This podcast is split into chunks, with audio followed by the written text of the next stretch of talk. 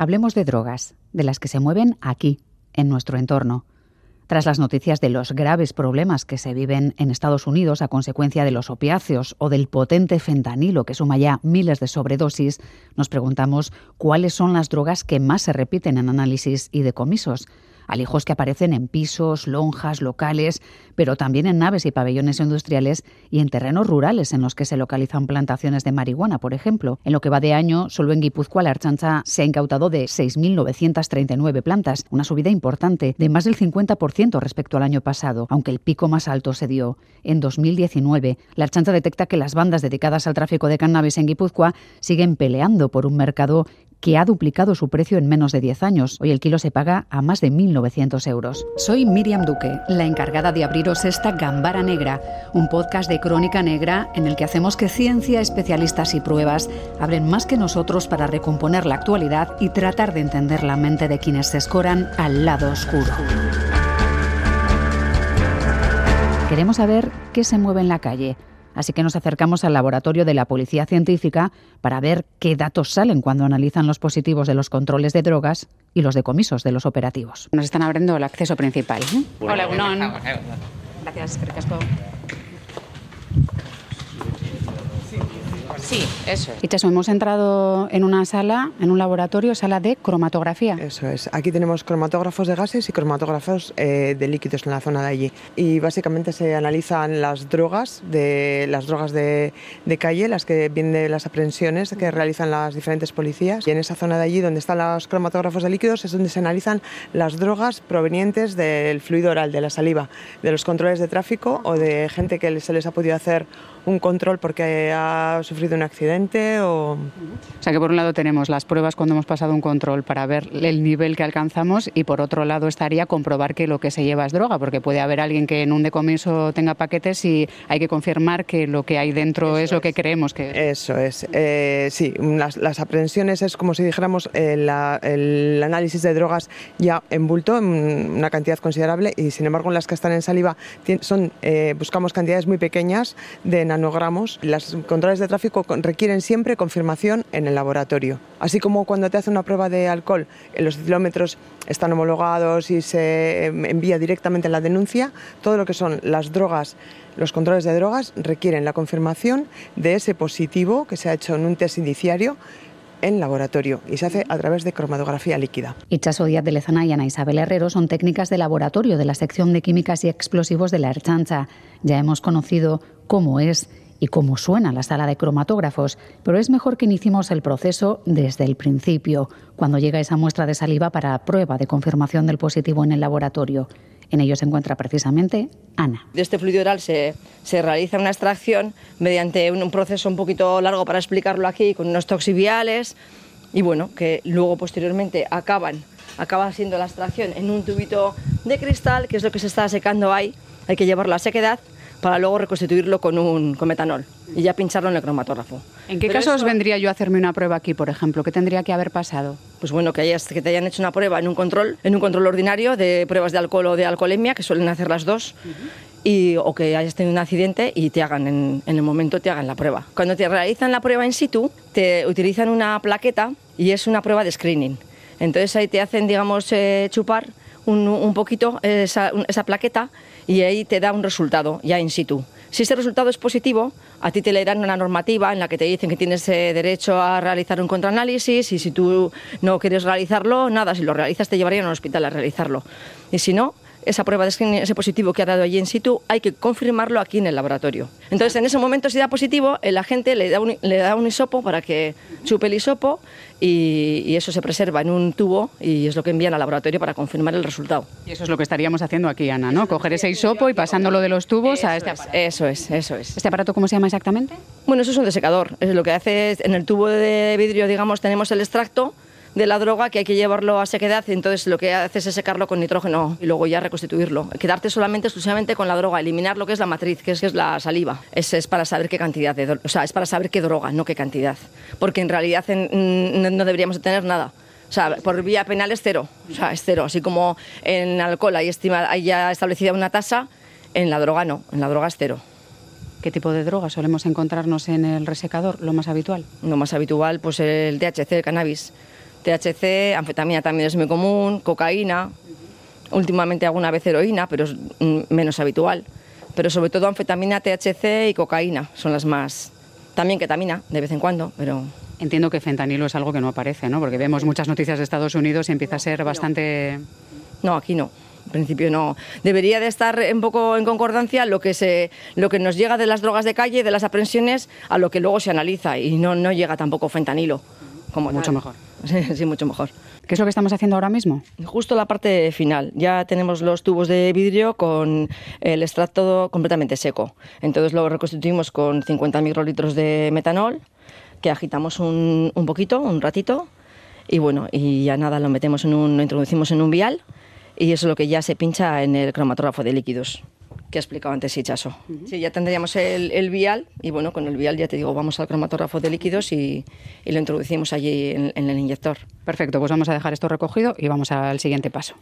Para que veas un poco aquí, yo añado a mi, a mi método, voy añadiendo las muestras que he pinchado, ¿no? Y por ejemplo, pues esta, esta muestra me daría positivo al 6-monocetilmorfina, que es el 6-man, que es lo que indica que ha tomado heroína. Y luego daría positivo también a benzoilegonina, y dirás, bueno, pues eh, ¿en qué consideramos positivo o negativo? Pues todo en función del cutoff que tiene la plaqueta que realizan, de la prueba que realizan in situ, porque tiene que ir en, concordancia. Si a ellos les ha dado positivo a partir de cierta cantidad, nosotros tenemos que tomar esa cantidad que tiene esa, esa plaqueta como cutoff. Entiendo Entonces, que, que, es medianamente habitual que, que, haya policonsumos, ¿no? Cuando se hace una sí, muestra. Sí, sí, sí. Bueno, esta persona, claro, se ha, se, se ha metido opiáceos, se ha metido heroína y se ve por el 6-monocetilmorfina. Lo que indica que haya tomado heroína es ese compuesto, porque luego hay también morfina, tiene también un positivo clarísimo a morfina y también a, a, codeína. Este no es tan grande, pero es positivo. Por un lado les llegan los hisopos con las muestras de saliva y por otro las muestras de droga decomisadas en los diferentes operativos que se desarrollan en la calle. Seguimos el pasillo siguiendo a Hichaso. Esta es la sala de pesaje de, sí, de las es drogas. Una, es una sala de balanzas con eh, mesas que están estabilizadas para que eh, no tengan problemas de, el, para que el pesaje se haga correctamente. Y aquí se pesa la droga que nos llega de esas aprehensiones de la calle se ve qué cantidad llega, se toma una pequeña muestra para análisis y se vuelve a pesar para saber qué queda en depósito. Claro, que luego se guardaría para ¿m? comprobar una vez eh, demostrado que era cocaína, heroína sí. o lo que toque, que, sí, que está guardada la cantidad. ¿no? Sí, bueno, y luego ya, en el momento que el juez estime oportuno, se llevan a destruir. Vale. Y una vez que está pesado, ¿cuál sería el siguiente paso? Este, este, es el, bueno, el laboratorio de preparación y reactivos, ¿no? Preparación de las muestras. Y bueno, en este laboratorio eh, se le añade un disolvente y bueno, se pasa ahí al ultrasonidos para que se mezcle bien, eh, se toma una muestra y se pincha en el cromatógrafo de gases. En este caso estamos hablando de las aprehensiones, de las pequeñas incautaciones que realiza eh, la policía a pie de calle.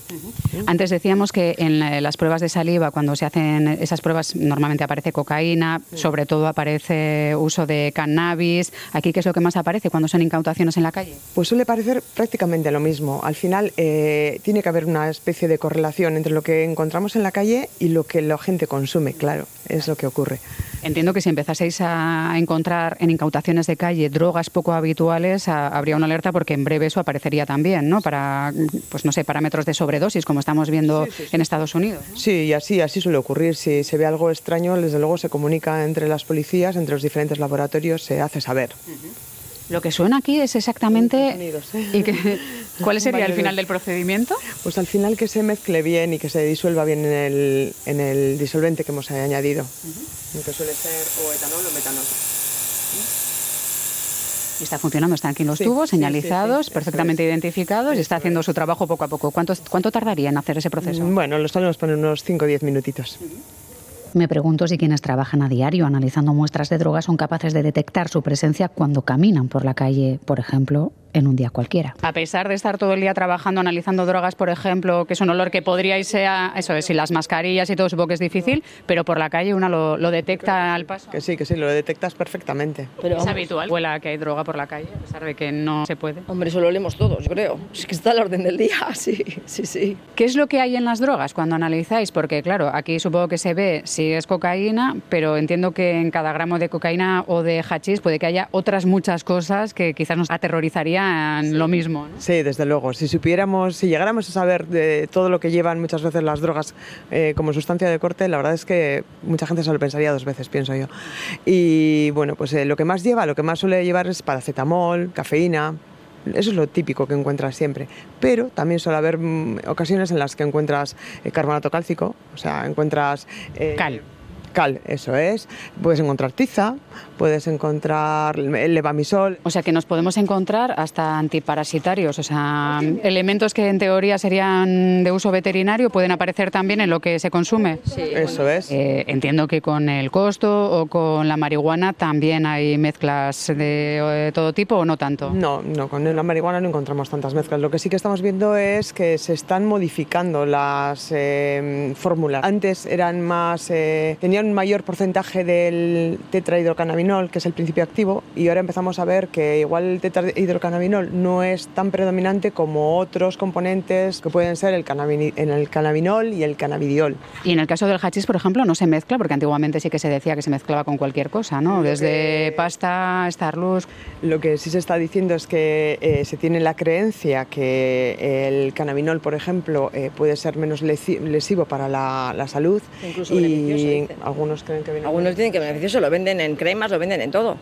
Y luego no es así. Hay una campaña de mercadotecnia para promocionar su cara más eh, positiva, suponiendo que la haya, ¿no? Sí. Y nos consta que gente que lo analiza y que sabe bien sus efectos, eh, bueno, cree que puede ser tan nocivo o más que el tetraidrocannabinol. Está claro que hay que tener cuidado con los supuestos efectos beneficiosos de algunos productos que nos venden, como cremas, tinturas o aceites del conocido como cannabis terapéutico, y contrastarlo con médicos y profesionales especializados antes de incluirlos en nuestra vida. Pero retomemos la senda de las drogas, las decomisadas, a menudo cortadas con todo tipo de productos de aspecto similar, con el objetivo de aumentar la cantidad y así los beneficios. No olvidemos que gran parte de este producto se vende por gramos y más gramos significa más dinero. Nuestra toma de contacto con las pruebas de este laboratorio de química y explosivos de la científica de la Archancha comenzaba en la sala de cromatógrafos y ante pequeñas pipetas en las que se resecaban las pruebas de quienes han dado positivo en drogas en un control policial. Ana nos muestra cómo es el cierre del proceso, ya con los resultados en la mano, tras pasar por las fases que hemos visto durante los primeros minutos de esta visita. Me acercan una bandeja con varios test de drogas, como los que te dan en un control de drogas al uso para ver si has consumido estando al volante.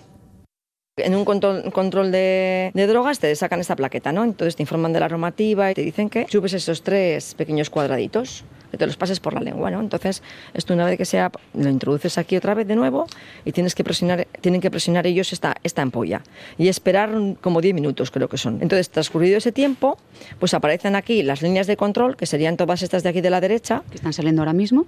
Eso es, que, eh, que, me indica aquí que es CL, CL, CL de control.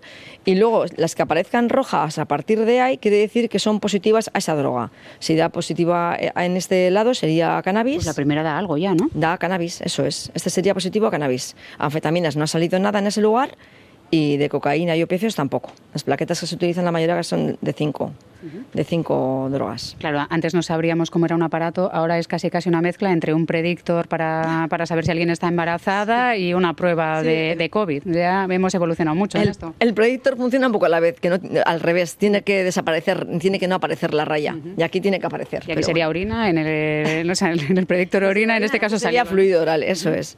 Eso es, y eso sería. Entonces, eh, una vez que te han hecho esto y te da positivo, es cuando te dan un hisopo para chupar y es lo que mandan aquí para analizar. O sea, estamos cerrando el círculo de, esta charla. Hemos comenzado viendo justo cómo se analizaba ese hisopo y ahora vemos cómo ha sido la fase previa. Volvemos al, inicio otra vez. Esto es como la película Pulp Fiction, que es, en círculo. Es que recasco. Venga. Pues muchísimas gracias a las dos. Ha sido muy interesante, la verdad. De nada, encantados.